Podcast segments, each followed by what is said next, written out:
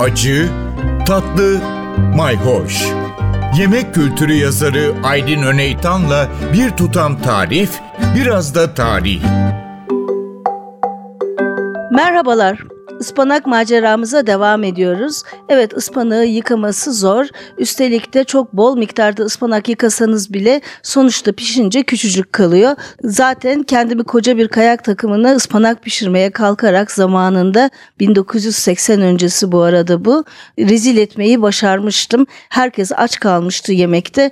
Şimdi bu aralar Mevhibe Hanım'ın yani Mevhibe İnönü'nün yemek defterlerini inceliyorum. Benim çiçekli defter dediğim kapağında çiçekler olan bir defteri var ki oradaki ilk tarif ıspanak yemeği sıcak pişirilmiş ve sonra da çok güzel bu detay çok hoşuma gidiyor. Ispanak kökü yemeği yani 2,5 kilogram ıspanakla bir yemek pişiriyor. Topu topu 100 gram et kullanıyor veya kıyma ve ondan sonra da saplarından ayrıca yemek yapıyor. Herhalde biraz iyi olur diye onun tarifinde 2 kilogram ıspanağın kökü olarak vermiş. Ona da sadece 100 gram et veya 100 gram küçük köfte koyuyor.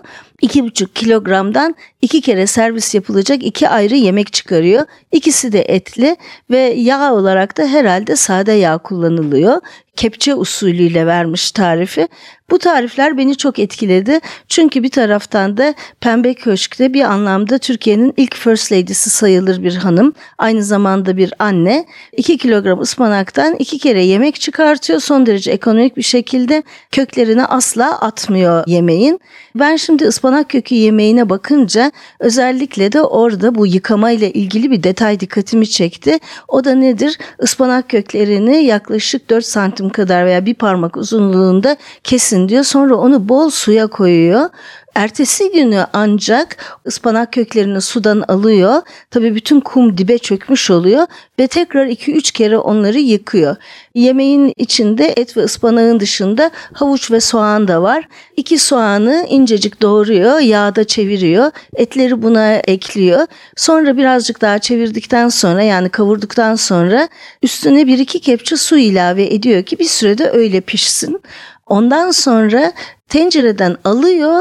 Tencerenin dibine halka halka bir havucu dilimleyip onu diziyor ve böylece çok güzel gözüküyor. Onun üstüne soğanlı etli karışımı sonra da kökleri dışa gelecek şekilde ıspanak köklerini diziyor.